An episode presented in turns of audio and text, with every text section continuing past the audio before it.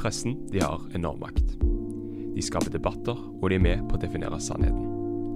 Dette skaper mange dilemmaer. Jeg har tatt en prat med Vebjørn Selbekk, som er redaktør i Dagen, om nettopp dette og andre interessante tema.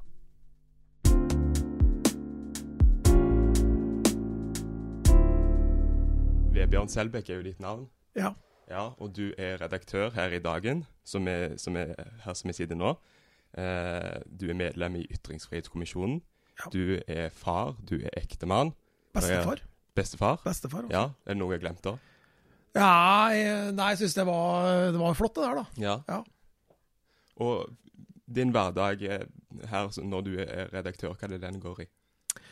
Nei, Det å være redaktør er jo for det første noe helt fantastisk, syns jeg. Mm. Å få lov til å lede en mediebedrift. Eh, og så er det sånn med en redaktørjobb at den er så veldig allsidig.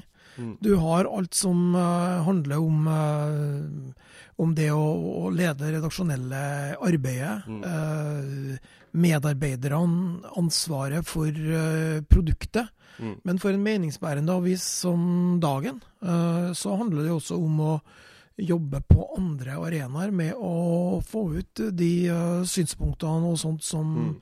som vi står for som eh, avis. Ja. Og for meg har det egentlig vært det store prosjektet med Dagen. At Mm. man ikke bare skal være en uh, intern stemme uh, i det kristne landskapet, Ja. men også ha noe å melde ut i den større offentligheten. Ja. Eh, hvis vi bare starter helt sånn, helt sånn bredt. Eh, vi har noe som heter journalister, og de eksisterer av en grunn. Ja. Eh, og, og du som er redaktør, da kan du svare på, på det her. Hvorfor eksisterer dagen? Hva er liksom målet og, og ønsket med, med denne avisen her? Altså, Målet med, med dagen, da den ble starta for eh, litt over 100 år siden, i 1919, det var å være en eh, nettopp eh, det jeg nevnte, en, en kristen stemme Mm. i eh, offentligheten. Mm. Uh, de som grunnla dagen, var uh, urolig for uh, at den kristne innflytelsen i samfunnet var på vikende front, og mente at en, en mediestemme er en viktig måte å, å hevde de kristne synspunktene og det kristne synet inn i eh, samfunnet.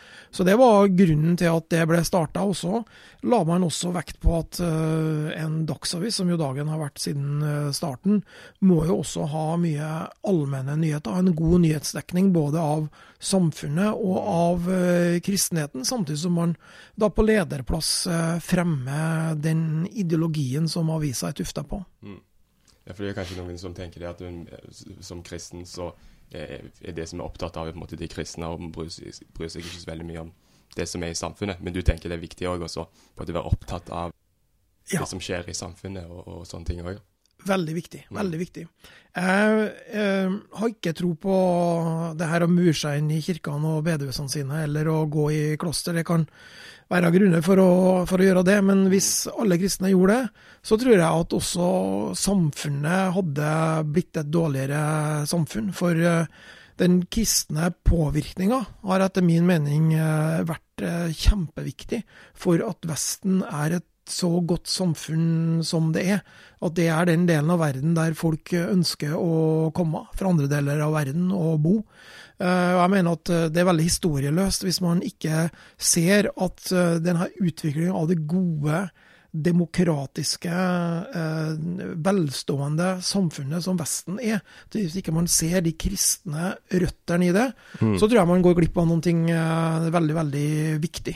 Ja. Så, så krist, den kristne påvirkningen av samfunnet, det er til gode for samfunnet, eh, mener jeg. Og det er også noe som vi, vi er opptatt av i dagen. Mm. En ting som jeg syns er veldig eh, interessant, og som jeg hadde eh, tenkt en, en del på, og eh, som jeg er interessert i å høre hva, hva tanker du har om det, det er det at media ofte de, de, de har enorm makt til å sette ting på dagsorden, og de er en slags premissleverandør, kan en si, for fremstilling av, av sannhet. Det er jo sånn at eh, visse saker hadde jo aldri blitt diskutert hvis ikke hadde fått media tok tak i det. Vi har statsråder som ikke lenger er statsråder på grunn av media. Så på, hvordan forvalter en den makten når en har sånn enorm makt til å kunne definere sa sannheten til å starte debatter eh, osv.? Nei, Det er jo veldig viktig mm. å, å, ta inn over seg at uh, man har makt uh, som, uh, som medium. Mm. Og klart det har med Makta er større de større medium du er, de større slagkraft du har. Men, men uansett så har, du, så har du makt på et, på et visst nivå. Mm. Og det er veldig viktig å ikke misbruke den. Og det er jo derfor norsk presse og vestlig presse jobber etter journalistiske standarder mm. uh, for etikk og for hvordan uh, nyheter uh, skal bli til. Og, og arbeidet med, med, kildene og behandlingen av intervjuobjekter og av, av mennesker vi, vi, jobber med. Og det er kjempeviktig at mm. man har den, den etiske refleksjonen i, i ryggmargen. Derfor har vi også en en selvdømmeordning i, i norsk presse som, eh, som, heter Pressens faglige utvalg. Man mm. jobber etter uh, Vær varsom-plakaten. og mm. Hvis man bryter med, med de etiske retningslinjene, så, så, blir man dømt av sine likemenn, dvs. Si andre uh, pressefolk. Og det svir når man, uh, når man går på en sånn smell. Og det er kjempeviktig. Og jeg syns jo det at når vi nå når denne podkasten tas opp, så mm. er vi jo i i startfasen av krigen mellom Russland og Ukraina. Ja. Som jo er en militær krig, men som også mm. er en krig om sannheten. Ja. Uh, og jeg syns jo at uh, det vi Den situasjonen i Russland når det gjelder medier, uh, og når det gjelder den desinformasjonen som spres, mm. det mener jeg jo viser hvor innmari viktig de frie mediene er. Mm. man kan kritisere vestlige medier for masse, mange ting, eh, og mye av det er riktig òg. Men når man ser hva alternativet er, en eh, statlig undertrykka presse som hopper når presidenten sier hopp, og som ja. eh, følger presidentens ordre om at eh, det er ikke en blodig krig som pågår i Ukraina, det er bare en militær spesialoperasjon. Russland har ikke gått til noe angrep på noe naboland. Og mm. man videreformidler disse løgnene Uh, og er, Da er det kjempeviktig å se hvor, uh, hvor, viktig en fri presse er, tross uh, dens mangler. så er det allikevel kjempe, kjempe en kjempestor velsignelse, vil jeg si, mm. å ha en, ha en, fri og uavhengig presse som har som mål å gi et så sannferdig bilde av virkeligheten som mulig. Mm.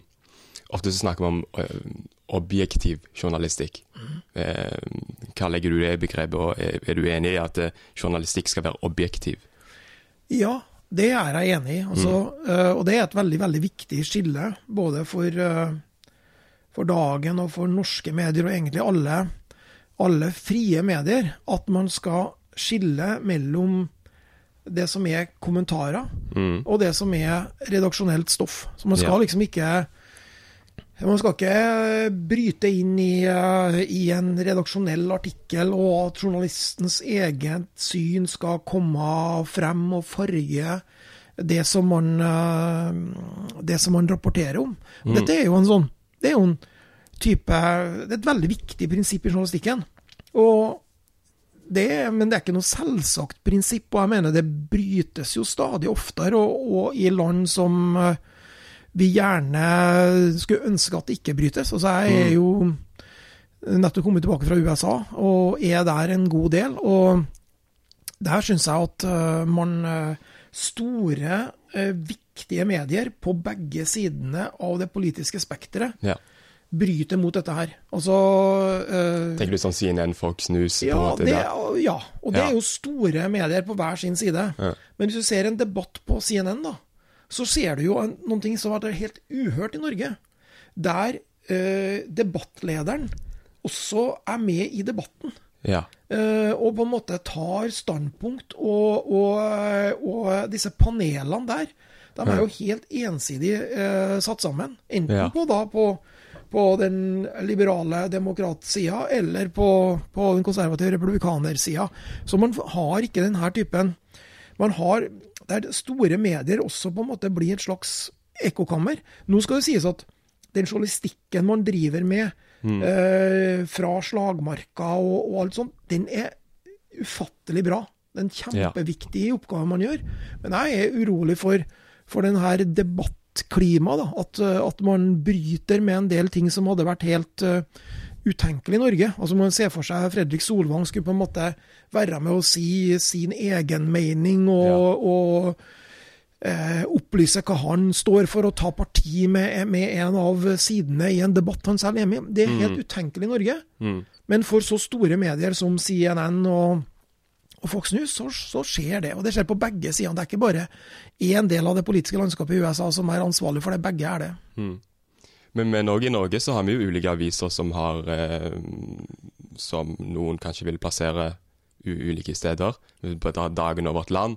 Så jeg vet ikke om du er på en måte enig i, i denne fremstillingen, men noen vil si dagen er konservativ, og at landet er kanskje litt mer progressiv eller liberal, eller hva du skal kalle det. Ja. Så man har ulike syn, og noen ganger viser det seg jo ikke nødvendigvis kanskje i, i selve reportasjene, men um, i hva en velger å skrive om.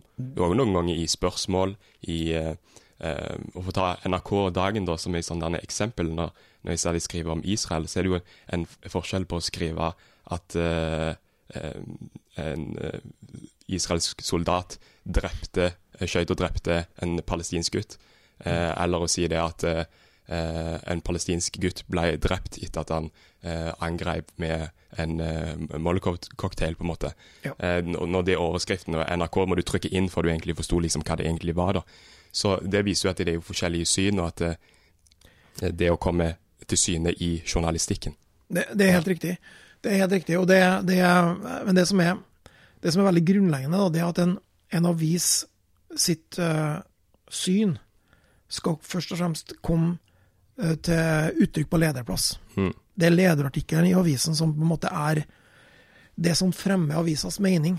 Men så er det helt riktig som du sier, at selvfølgelig en avis grunnsyn skal jo selvfølgelig også eh, får også konsekvenser for, eh, for både vinkling og mm. for eh, stoffområdene man skriver om. Ikke sant? For eksempel så er det jo i en kristen avis om dagen Vi, mm. vi følger jo det kristne eh, landskapet mye nærmere enn mange andre aviser gjør. Og det er fordi at vi er ei kristen avis. Uh, og så er det jo nasjonen vil jo følge landbruks, uh, altså, landbrukspolitikken ja. mye mer um, nøye. En avis som Klassekampen vil være på en måte uh, følge det, det venstresida av politikken enda mye nøyere enn, enn det vi gjør. ikke sant? Vi, mm. vi, vi ønsker å være best på, på eh, sentrum mm. i det politiske landskapet. Mm. Følger KrF veldig nøye. Mm. Det er jo fordi at vi også det, det, kan følges tilbake til det at vi er en, eh, en kristen avis. Og som du nevner, også mm. vinklingene mm. kan også, og spørsmålene vi stiller. Men, kan, men faktaene, faktafremstillingen og, og søkninga etter sannheten, ja. den må alltid være til stede hvis du skal være et uh, seriøst uh, medium. Mm. Vil du si, som noen uh, sier, at uh, media er Norge er venstrevridd? Ja, jeg vil Jeg, vil, uh, jeg skjønner hva du mener. Ja. men jeg, det jeg syns særpreger norske medier sammenligna med ikke minst utenlandske medier, da, det er at vi er mye mer klumpa sammen i midten. Mm. Og da tenker jeg både Altså langs to akser, egentlig. Både langs uh, den høyre-venstre-aksa. Mm. Så har du på en måte i Tyskland, Storbritannia, andre land, så har du på en måte mye mer uh, Du har mye mer spredning også på ytterkantene enn det du har i Norge. Og det er liksom det som vi ser i Norge, at en, en Klassekampen-journalist kan gå til Dagens Næringsliv. Ja. Uh, som det jo skjer. Og fram og tilbake. Mm. Det ville vært utenkelig i mange andre europeiske land. Sånn at man er mye mer sånn klemt sammen i, i, i sentrum. Og det her meningsmangfoldet politisk er, er, mye mindre enn det er mange andre steder. Og du har jo rett i det at de helt klare høyreorienterte eh, mediene, de mangler i Norge. Mm. Uh, mens de finnes i, i, veldig mange andre europeiske land. og Det er vel også grunnen til, tror jeg, at man har uh, fått utvikla mye alternative medier da, på ja. høyresida ja. i Norge. Jeg tror at også en av grunnene til det er nettopp at man har, man har mangla den her brede høyreorienterte uh, representantene i mediemangfoldet. Mm. Så, det, så, så det, der, har du, der, har du, litt rett på det. Men en annen sak som jeg syns særpreger norske mellomlandskapet, det er jo også at man, man, har, man er klumpa sammen også når det gjelder denne aksen mellom seriøs og tabloid. Mm. I Storbritannia så har du, du har, eh, du har ekstremt tabloide medier. Og så har du, eh, har du de, de, eh, virkelig hva skal jeg si, kvalitetsmediene. Samme i Tyskland. Du har Bildzeitung, som i hvert fall tidvis mm. har vært Europas største avis. Og så har du Frankfurter Allgemeine ja. på den andre sida, som knapt har ville hatt bilder på, på forsida av avisa si. For det er for tabloid å ha bilder. Ja. Vi, kan, vi, må ha bare skrift, vi kan ikke ha bilder. Ja. Sånn, så det, det der, der, er veldig forskjellig i Norge. Der er vi på en måte klumpa litt sammen. Det er på en måte kanskje den mest tabloide avisa, VG, Samtidig kanskje er den mest seriøse avisa. Har ja. den beste politiske dekninga i Norge. Det er også et veldig sånn interessant særpreg med det norske mediemangfoldet. Så klart at vi er et lite land. Uh, og det er vel en av grunnene til denne sammenpressinga i, i, i, sentrum, både politisk og, og kvalitetsmessig. Mm. I, I, alle land og i alle samfunn så etablerer det seg jo et liksom sånn grunnsyn om på en måte Eh, hva som er greit, hva som er ikke. Altså At man, man har en slags sånn felles konsensus om på en måte eh, hva som er innafor, hva som er sant. Eh, kan kalle det nesten sånn ortodoksi, hvis vi skal bruke liksom teologispråk. Jeg er jo teologistudent. Ja. Eh, og så er det jo alltid, vil det òg alltid være sånn i, i samfunnet til det folk som utfordrer den ortodoksien ja. fra ulike sider. Og nå har vi jo hatt covid, så da har du eh, folk som har vært skeptiske til koronavaksinen. Mm. Eh, enkelte konservative kristne kan kanskje føle at de står litt sånn på utsiden av det som er på en måte det som er mainstream, eller det, det vanlige, vanlige, synet. Så hva er media sin oppgave, eller hvordan skal media gå fram eh, der, når vi snakker om eh, sånne kontroversielle eh, spørsmål? Én ting som jeg noen gang ser, det er jo bruken av typisk merkelapper. Mm. Eh, spesielt er ett ord, det er omstridt. Den omstridte predikanten, den omstridte psykologen osv. Der noen kanskje får et stempel allerede før det har, har, har begynt. da. Eh, Truls Olufsen Mehus, eh, jeg snakka med han sist uke, han sa at i NRK-artikkel så ble han kalt for konservativ og radikal.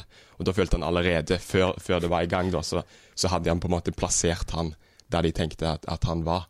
Eh, så når vi har snakka om eh, objektiv journalistikk, men så har du jo det at når noe går ut forbi på en måte det som er normen og det som er normalt, og som er kontroversielt, hvordan skal han da fremstille det ja. eh, uten å på en måte eh, være med på å eh, gi et falskt bilde av realiteten, eller det å hindre en, en god og viktig debatt?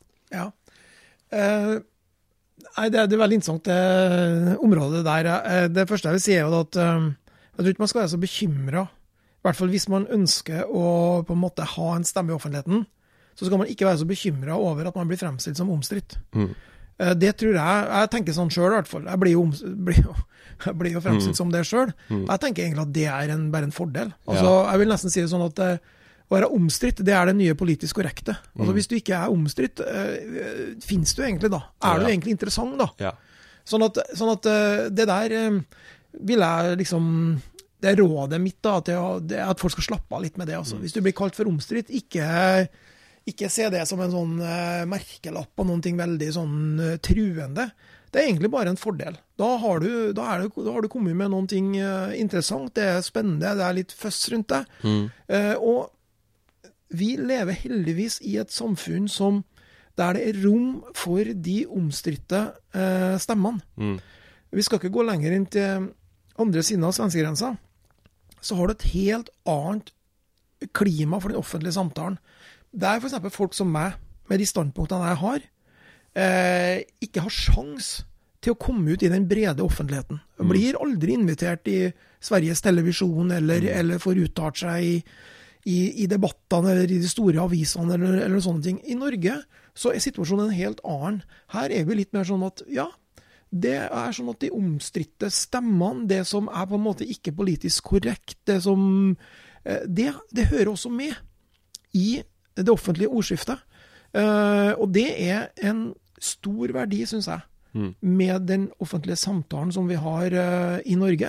At den blir mye mer sånn eh, mangefasettert. Den blir mye mer frodig og, og interessant.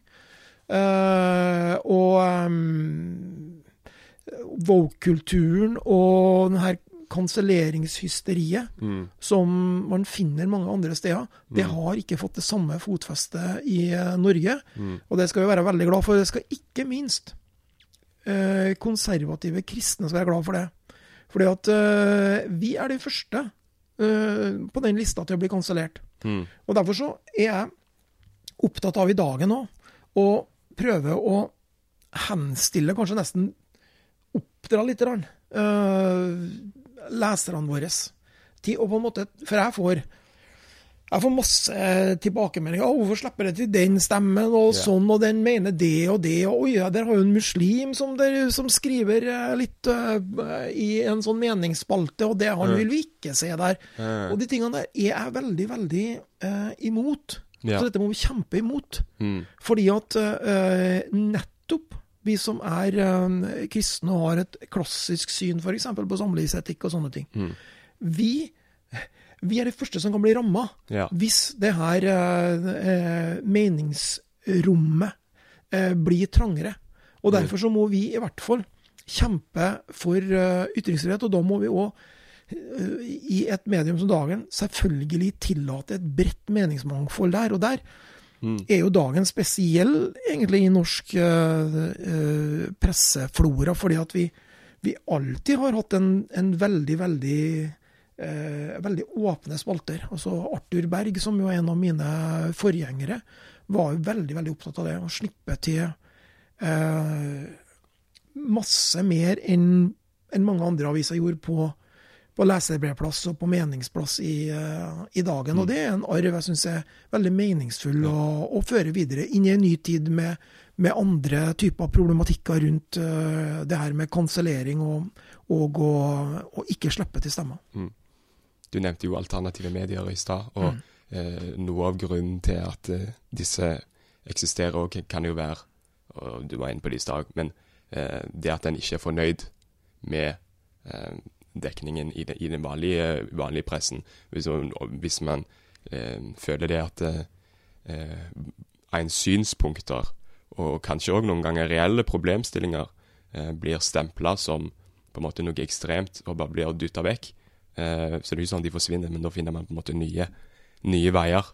Og det er kanskje en av grunnene til jeg tenker det er viktig at en, at en eh, tar alle disse herne, eh, debattene, og at det ikke blir sånn eh, at en utvikler en sånn ortodoksi, Mm. om du vil, som det ikke går an å eh, problematisere, som det ikke går an å, å, å stille spørsmål til. Og vet du noen som har opplevd sånn med, med um, covid, noen har opplevd det sånn med sosiale medier generelt. At det, eh, du har jo sensurpraksis og sånn, folk blir liksom kasta ut. og jeg vet ikke om du har noen tanker eh, om akkurat det. Du har jo eh, Trump som ikke lenger fikk lov til å være på sin eh, sosiale medieplattform på, Mm. på Twitter osv. Og, og så lager han sin egen, sitt eget ekkokammer. Ja. Truth Social. Jeg syns det er et veldig morsomt navn. Ja. Men det, eh, så, du, så, du har, så du har den utviklingen. Men, men så eh, ser jeg jo òg den at uh, du som er redaktør for dagen, er jo ansvarlig for det som du velger å trykke. Mm. Og jeg vil se for meg at det går en grense for hva du er villig til å trykke i din avis. Ja. Eh, så ja, så du vil, du vil ha debatt, men, men uh, du har òg et redaksjonelt ansvar. Så hvordan er det du Ja, og og det er klart at uh, det er en, en veldig veldig aktuell problemstilling. Mm. Ikke minst når det gjelder type konspirasjonsteorier og sånne ting. Ja. Som jo jeg er veldig urolig for, og har vært over mange år. Mm. Hvor stor plass det får i enkelte kristne miljø.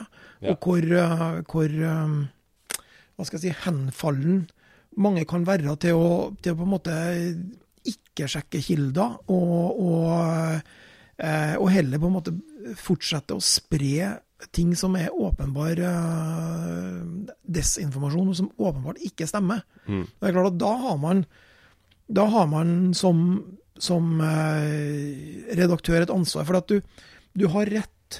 Vi bruker, å si det sånn, det er en veldig sånn fin tommelfingerregel at du har, du har rett på dine egne meninger, Mm. men du har ikke rett på dine egne fakta. Ja. Det som er fakta, og som er etterprøvbart, Mm. uh, det kan du ikke på en måte fremstille sånn som du vil. Mm. Uh, det, må, det, må, det må være riktig, det som man hevder. Ja. Uh, og der um, Ikke sånn, sånn som man nå hevder fra, fra Russland, at dette her er en, bare en militær eh, spesialoperasjon. Du Ja. kan risikere 15 års fengsel i Mm. Russland nå, hvis du kaller krigen eh, for, for krig. Mm. Eh, og, og, eh, og sånn kan vi ikke ha det. Altså, det går ikke an å si at det er like bra. Mm. Ok, ja, men altså, Putin mener det, og vi mener noe annet. Eh, og så er det bare forskjellige meninger. Nei, det er ikke forskjellige meninger. Mm. Det er noen ting er riktig, Mm. og noen ting ikke riktig. Mm. Når du ser disse sivile boligblokkene som er rasert av missiler og artilleri fra Russland, så er ikke det en militær spesialoperasjon. Dette er, en, eh, dette er krig eh, på sitt mest brutale Mm. på 20 20-tallet. Ja. Eh, og da, da, da er det Det er det som er fakta. Og det Mm. kan ikke vi Sånt kan ikke vi. Da må man gjerne mene det. at det er en militær spesialoperasjon. Men det kan ikke vi skrive. Ja. Vi, må, vi må fortelle hva det er. Og, og det, det samme gjelder i en, i en i et, eh, På meningsplass i et lesebrev. Så er det klart at, at eh, man kan ikke fremstille stille ting som åpenbart er helt, eh, er helt feil. Det, eh, det er en grense, da. Ja. Og så kan det være glidende overganger rundt Mm. dette her. Mm. Sant? At, at noen legger mer vekt på, på visse, visse ting og, og, og sånt. Og det, det er greit. Man, man, man, det kan være gråsoner og, og sånt, men, men det er allikevel en sånn um, Du eier ikke dine egne fakta, altså. Fakta er fakta, og meninga er meninga. Noen ganger så kan jo en, um, en posisjon som en ser på som ekstrem, være bygd på eh, det som jeg vil kalle på en måte en lege, altså legitime problemstillinger. Går det an å eh, adressere de uten at eh, en eh, hva skal jeg si, omfavner noe en eh, tenker blir helt feil? da? Eh, Syns du det er som, som redaktør i dagen eh, er det rom for at du kan Nå tenker jeg også på en måte på de andre, andre mediene og på en måte hvordan det er i Norge, og, og, og ta opp problemer rundt kanskje innvandring, eller Mm. rundt koronavaksine, eller Mm. rundt eh, osv. osv. Eh, spørsmål som folk har, som noen ganger kan være knytta til eh, posisjoner som folk ser på som ekstreme, Ja. men som er problemstillinger som likevel kanskje vil trenge å bli adressert. Eh, Det kan det være. Sant? Når det gjelder, eh, når det gjelder eh, korona, covid, Mm. så er det klart at der syns jeg eh, Det er et eksempel på akkurat dette her. Sant? At uh, noen ting uh, er åpenbart konspirasjonsteorier. Mm. Uh, og det har det, funnet, det har det vært masse av med, med korona og viruset og, og alt dette her. Um, og det, det må man kjempe imot, og det er viktig å kjempe imot konspirasjon, spesielt når, når man her snakker om en, et farlig eh, virus som, som jo har tatt flere millioner menneskeliv eh, på global eh, basis siden, eh, siden det oppsto i, i, eh, i desember, ble påvist første gang i desember eh, 2019. Mm. Eh, så det er på en måte Konspirasjoner må vi styre unna. Men så er det en del type politiske implikasjoner rundt det, som, som er veldig sånn diskuterbar. Mm. For eksempel det som jo nå var kanskje enda litt eh, mer eh, oppe bare for noen uker siden, dette med, med som kanskje ikke er like viktig nå, eh, det med eh, koronapass og sånne ting. Sant? Og det, det syns jeg er en helt sånn legitim debatt. Mm. Eh, hvor, hvor langt skal vi gå? Hvor langt kan et samfunn gå i å pålegge folk å, å vaksinere seg? Mm. Eh, og i å pålegge folk uh, restriksjoner hvis man ikke vil vaksinere seg. Det er en kjempeinteressant debatt, Mm. og en veldig legitim debatt. Uh, og også debatten rundt hvor, um, hvor, hvor mye skal man stenge ned i et samfunn? Mm. Hvor store kostnader skal man ta på seg, målt opp mot eventuell helsegevinst ved, ved lave smittetall? Alt, alt dette er ting som, som eh, vi må debattere, og som det er viktig å debattere i et eh, fritt samfunn. Men la oss, la oss debattere på et, på et faktagrunnlag, da. La oss, spesielt, la oss legge eh, fakta til grunn. Si at dette er en farlig sykdom. Dette har tatt så og så mange eh, menneskeliv. Det er åpenbart at det i enkelte land som har sluppet dette her løs, så har det hatt eh, eh, betydning for helsevesenet. I hvor stor man klarer å opprettholde et helsetilbud som er forsvarlig. La oss debattere det på det grunnlaget Ja. eh, på et faktagrunnlag, så, er det, så, er det, så har jeg stor forståelse for, eh, for mange av de standpunktene rundt, eh, rundt skepsisen til å, eh, til å ta vaksine. Eller jeg, jeg har tatt mine doser, hele familien min har gjort det. Jeg mener at det er veldig, veldig viktig å gjøre. Så er det enkelte som ikke vil ta vaksinen. Mm. Og så kan man si at ja, men dere bør ta vaksinen. Så må det til syvende og sist være den enkeltes valg likevel. Og, og, og det vil jeg forsvare. Folks rett til å ikke ta vaksine.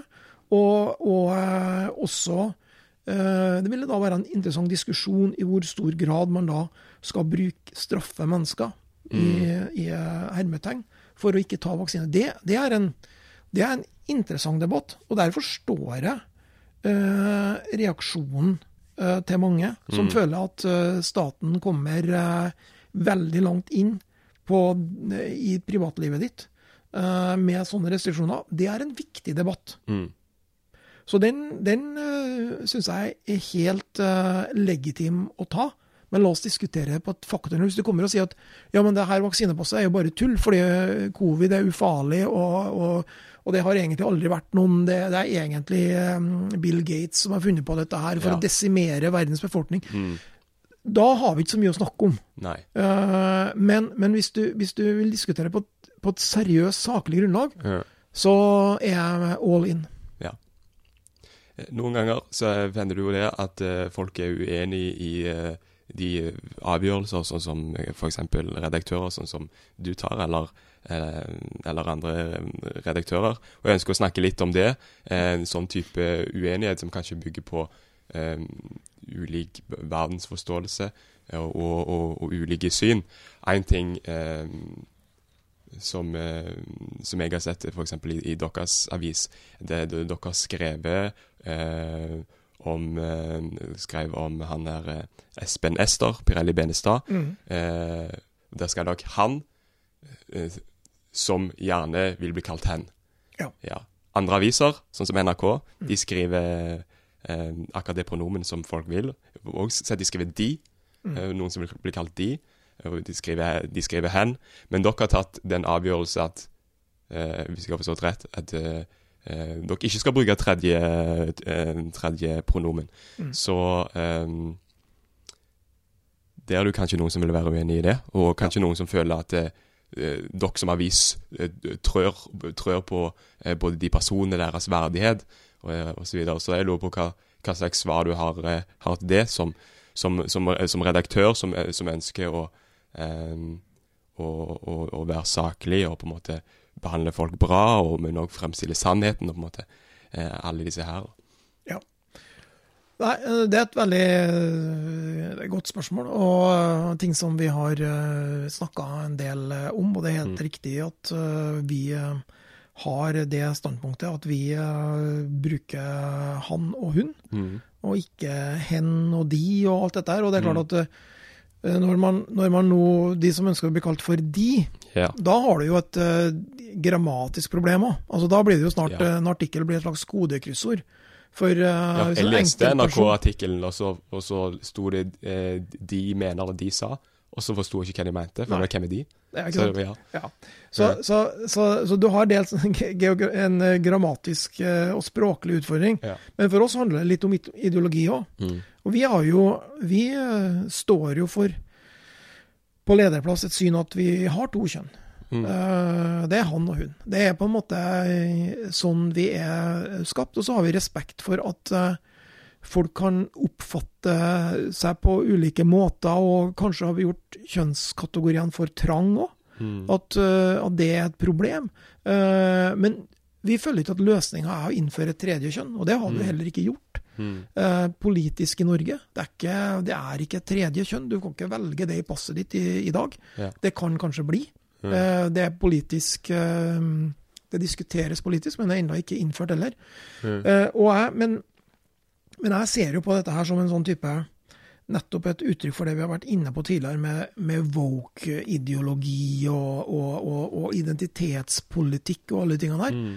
Og jeg er veldig skeptisk hvis uh, uh, det skal få for stor påvirkning på språket vårt. Så vi Mm. ønsker i hvert fall, så lenge vi kan, å, å holde igjen på det. Og bruke han eller hun. Og så har vi respekt for eh, folk som ønsker å bli omtalt som eh, hen, og derfor så, så skrev vi jo det når vi omtalte Espen Ester Pirelli Ja. Benestad. så så skrev vi i artikkelen at han ønsker å bli omtalt som hen, men at eh, vi bruker ikke det i løpende redaksjonell eh, tekst. Men vi konstaterer at det er det han ønsker å gjøre. Eh, Ja. men, eh, men samtidig så er det jo vi som har ansvar for hvordan vi bruker språket vårt, og vi har ikke ønska å, å bruke det ordet. Ja. Det av en eller annen grunn så skrudde den seg av, så det må jeg sjekke. Ja. Eh, du nevnte Vær varsom-plakaten Mm. eh, eh, tidligere. Eh, punkt eh, 4-3 der, der står det 'Vis respekt for menneskers egenart og identitet'. Privatliv, etnisitet, nasjonalitet og livssyn. Vær varsom med bruk av begreper som kan virke stigmatiserende. Eh, jeg vet ikke hva eh, altså de Pressens faglige utvalg, hva slags syn de har på disse tingene her. Men eh, når jeg bare ser samfunnsutviklingen, tror du at noen kan argumentere for at det å bruke feil pronomen Jeg har jo sett hvor mye folk har noen reagert på eh, det når du feilskjønner og sånn, men, men, men tror du rent sånn fra altså, pressesiden at folk kan argumentere for at det er stigmatiserende? Det er å ikke anerkjenne noen sin identitet, det er å ikke vise respekt, og at det kan ende opp med at man får fellelser og, og problemer og så, og så videre.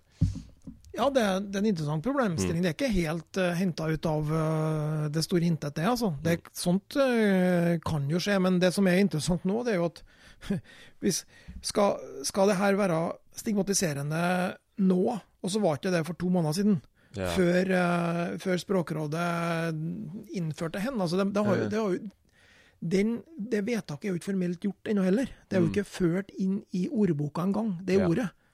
Men, men altså, ja, kanskje kan det skje. At det Mm. oppfattes eh, stigmatiserende. Kanskje kan det bli en, eh, en PFU-sak på det. I så fall skal vi jo stå i det. Det vil jo være veldig interessant. Og det vil Mm. Jo være en målestokk på, på nettopp uh, hvor høyt under taket det er i det offentlige ordskiftet i Norge. Om det er akseptabelt å, å mene fortsatt at vi har eh, to kjønn. Mm. En annen sak er eh, Du trykte noen eh, eh, Mohammed-karikaturer en gang, og det ble litt sånn styr eh, rundt det. Det var noen som eh, lurte på Jeg spurte sånn, hva skal jeg spørre henne om, og det var noen som lurte på ville du gjort det igjen her i, i, dagen, hvis det er samme situasjon nå. Noen har, har eh, tegna eller malt noen Mohammed-karikaturer, og det er diskusjon eh, rundt de, og dere skal skrive om de. Hadde du eh, trykt de karikaturene en gang til? Ja, vi har jo gjort det igjen. Ja. Uh, og vi har gjort det på den måten som vi gjorde det den gangen. Mm. At uh, Ikke for å provosere eller for å lage noe styr, men for å illustrere en artikkel med uh, den mest opplagte illustrasjonen. Så uh, leserne skulle forstå hva saken dreide seg om. Det gjorde vi bl.a. Uh, i forbindelse med attentatet mot uh, den franske satirebladet Charlie Hebdo Mm. i uh, 2015. Mm. Da viste vi jo også fram uh, hvilke tegninger det var som, eh, som var omstridt i deres tilfelle, og som da hadde ført til dette masse nedslaktinga av journalister, redaktører og tegnere i et redaksjonslokale i hjertet Mm. av Europa.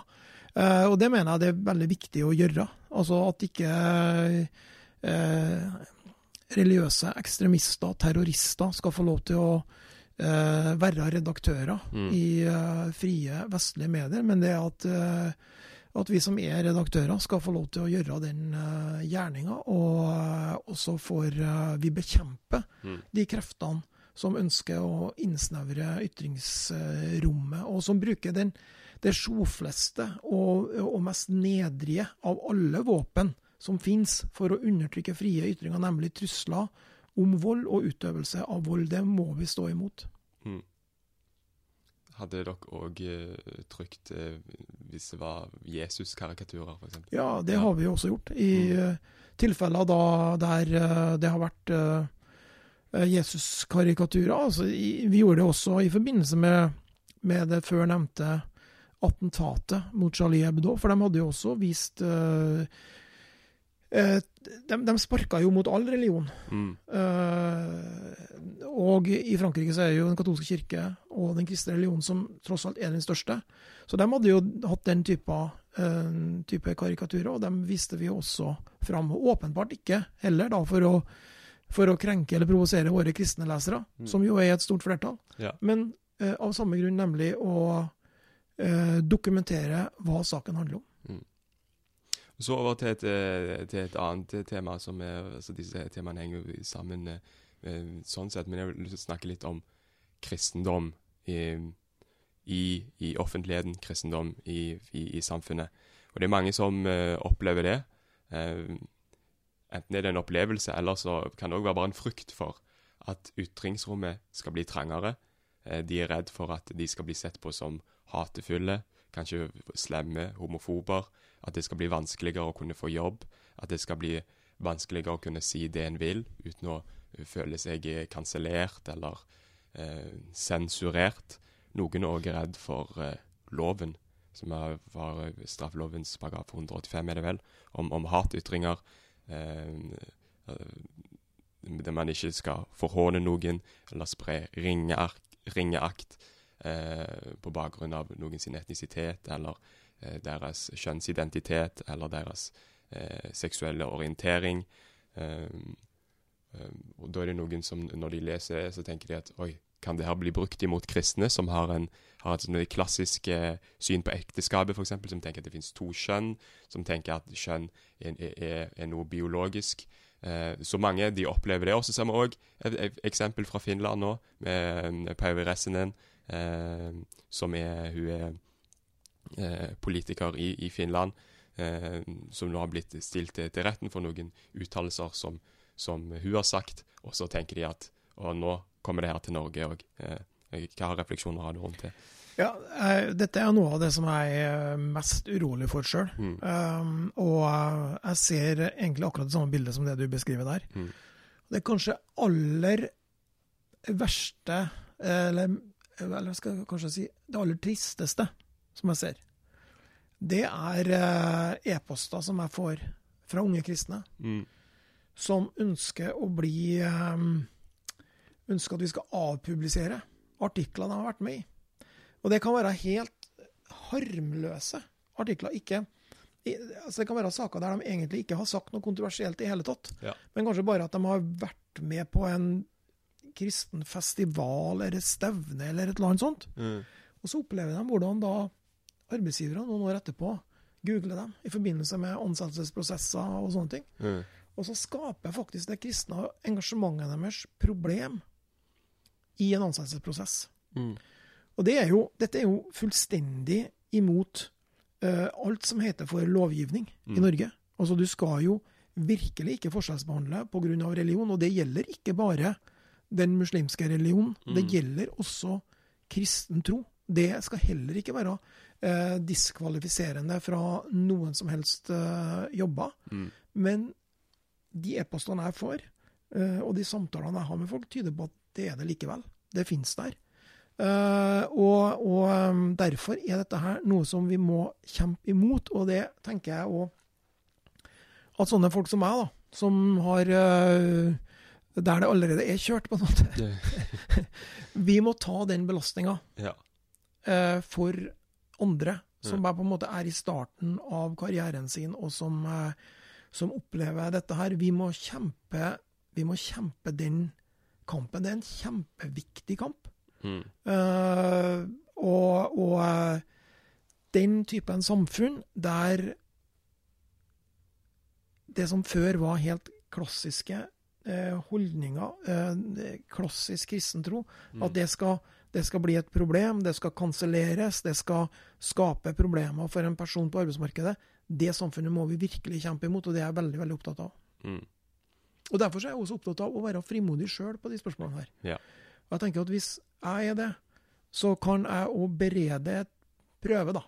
Berede et rom der andre også kan være det. Du sier det i Ytringsfrihetskommisjonen. Er, snakker dere noe om eh, sånn som det her? Det gjør vi. Ja. Vi snakker eh, om de spørsmålene her. og vi Mm. Du nevnte jo ytringsparagrafen 185, eh, den såkalte hatytringsparagrafen. Mm. Og dette er jo noe som vi Den jobber vi med. Ja. eh, og, eh, og vil nok antagelig eh, foreslå for regjeringa en eh, eh, ikke, en ikke en endring av, men i hvert fall en endring av språket i den. For Ja. sånn som du òg beskriver, hvem vet hva hvem vet hva forhånelse er i dag? Hvem vet hva ringeakt er? Mm. Jeg, jeg vet ikke, du vet sikkert ikke du heller. Det, det er et arkaisk språk Ja. som mange ikke eh, forstår. Mm. Og det i seg sjøl kan være med å legge en demper på eh, folks vilje til å ytre seg. Fordi at de lurer på oi, kanskje har jeg forhåna noe, eller har jeg visst ringeakt? Jeg vet ikke helt hva det er, men det er kanskje, da er det i hvert fall best å være på den sikre sida. Mm. Eh, og, og, og derfor så må vi, vi må sørge for en språkdrakt Ja. som på en måte viser hvor grensa går, så folk kan forholde seg til det. For det er jo ikke sånn at det er hatefullt eh, at du vil bli ramma av 185 hvis du sier at det finnes to kjønn. Mm. Jeg tror at det finnes to kjønn. Jeg Mm. tror at kjønn er noe biologisk. Mm. Og så kan folk oppfatte seg både på den ene og den andre måten, og det må de få, få lov til. Men, men eh, det er ikke ekstremt å mene at, det, at biologi har noe med kjønn å gjøre. Mm. Sant? Det er ikke ekstremt å mene at ekteskapet er for mann og kvinne. Eh, og det er det lov å si. Mm. Og det er veldig viktig at, eh, at 185, eh, den paragrafen, er utforma på en sånn måte at, den, eh, at folk forstår at det er det. At ytringsrommet er hvitt i Norge. Og det er ikke sånn at, at vi lever i et samfunn der politiet kommer løpende etter deg hvis du, hvis du eh, eh, ytrer ting som eh, eh, som, som, som du f.eks.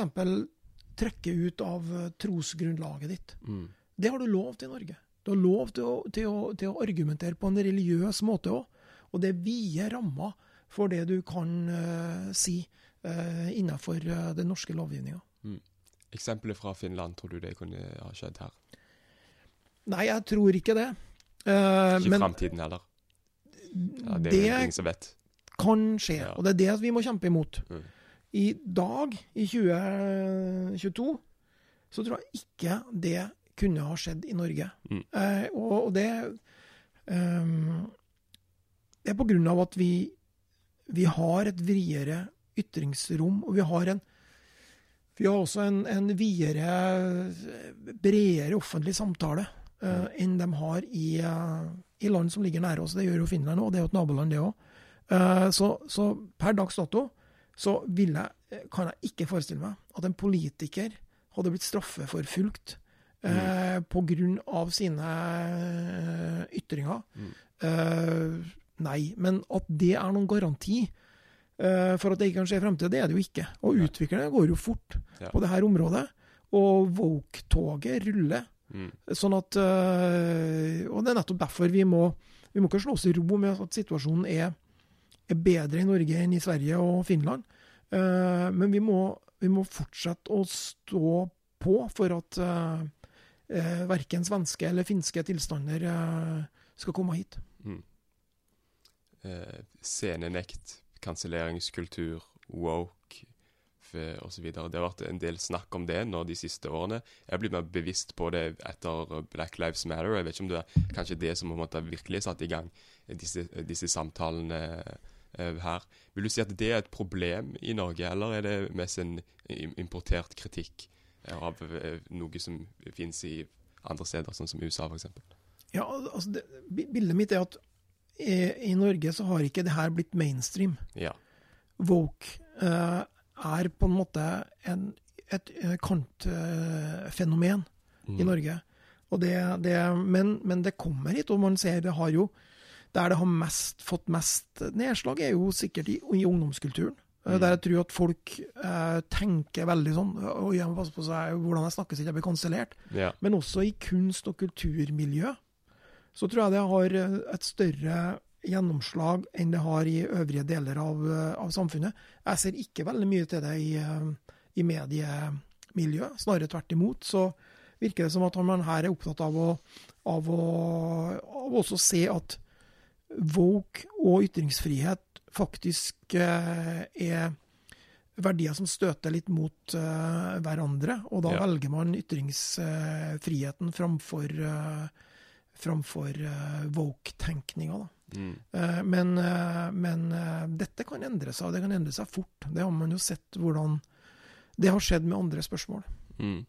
Ja, vi har snakket en liten stund her, så vi kan ikke komme til en avslutning etter hvert. Med. Men en ting som jeg tenker på, det er rent politiske og kristne ønsker å, å, å nå fram. Hvordan skal en gjøre det? Fordi man har, man har noen kristne partier. Du har KrF, du har Partiet De kristne.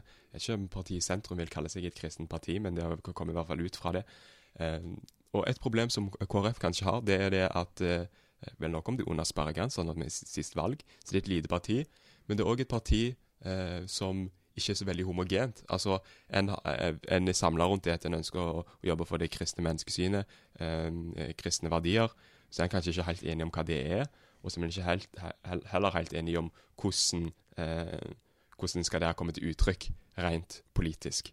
Og, Nå har det vært sånn diskusjon rundt Truls Olof Smeus i i, i, i Troms og Finnmark, som fylkesleder der, at han er veldig kontroversiell, og han kommer med en annen type politikk. Han burde egentlig vært i partiet De kristne, noen som har, noen som har reagert, eh, eh reagert, eh, på det. Og jeg lurer på om kanskje eh, en ting som gjør det ekstra vanskelig, det, det er at eh, en er en liten gruppe, og så har man et samfunn eh, som er tenker veldig annerledes. Og KrF sin stemme er utfordrer samfunnet eh, veldig. Noe som gjør at det, eh, det som KrF står for, er, det er både kontroversielt og kan være upopulært. Eh, og da er man kanskje redd for å gå, gå fram på, gå fram på eh, en feil måte. Ser du noen av disse tingene? Ja, ja jeg, jeg gjør det. Og, og, jeg tror du er inne på, på en ho et hovedproblem for eh, KrF. da, og mm. Det gjelder at man ikke har klart å, å holde, holde, partiet eh, hva skal jeg si, Å være den alliansen som det partiet før har vært. sant? Mm. Og det er jo liksom Det er jo bare å se på de store partiene i Norge, mm. så er det jo en, et store spenninger innenfor partiene. Uh, Arbeiderpartiet, f.eks. Det, er, det er store spenninger innenfor det partiet. Du har høyrefløy, du har en venstrefløy, du har mm. ulike syn, men så klarer man å holde det sammen. Mm. Og Det tror jeg er noe av ulykken for KrF var jo nettopp at eh, den, det limet, det, det, gikk i oppløsning. Mm. Uh, og så, så, fikk man uh, avskallinger. altså Både partiet De kristne og partiet Sentrum er jo egentlig avskallinger fra KrF. Mm. Selv om ingen av dem vil innrømme det, mm. så, så, så det, finnes det sånne elementer, i hvert fall. Mm. Og det er klart at det er et mareritt for et parti, i hvert fall når du ligger rundt sperregrensa, at du har andre partier som beiter eh, litt i dine egne bed, og mm. som tar viktige stemmer og, og, bidrar til at partiet faller under sperregrensa. Men det er, eh, det, er, eh, det er, en stor utfordring for dem. Men, men det er klart at politikk er jo bare én av mulighetene man har for å påvirke. Jeg mm. tenker jo at vi som kristne skal eh, engasjere oss på mange ulike arenaer. Og at eh, den si, protestantiske arbeidsetikken, da, som mm. filosofen Max Weber snakker om, ja.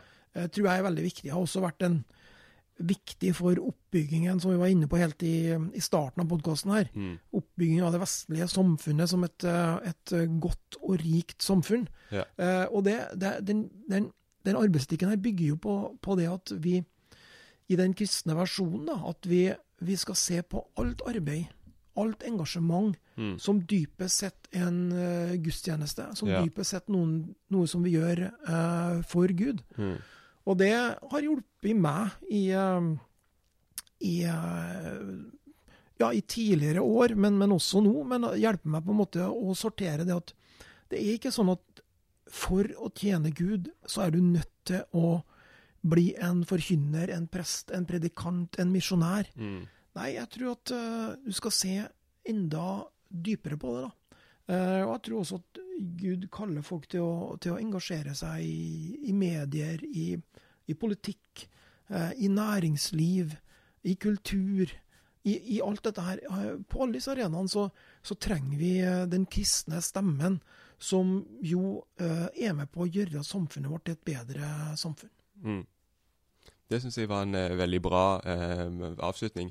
Jeg skulle egentlig stille, uh, spørre helt til slutt om du hadde noe som et tips til kirker og personer, men du sa det før jeg spurte, så ja. jeg tenker at det er det. Da klipper ja. vi der. Mm. Takk for at du Jeg kan ikke si takk for at du kom, fordi jeg har kommet, ja. til, kom til dere, men takk for at du ville snakke med meg på podkasten. Veldig, veldig hyggelig. Mm.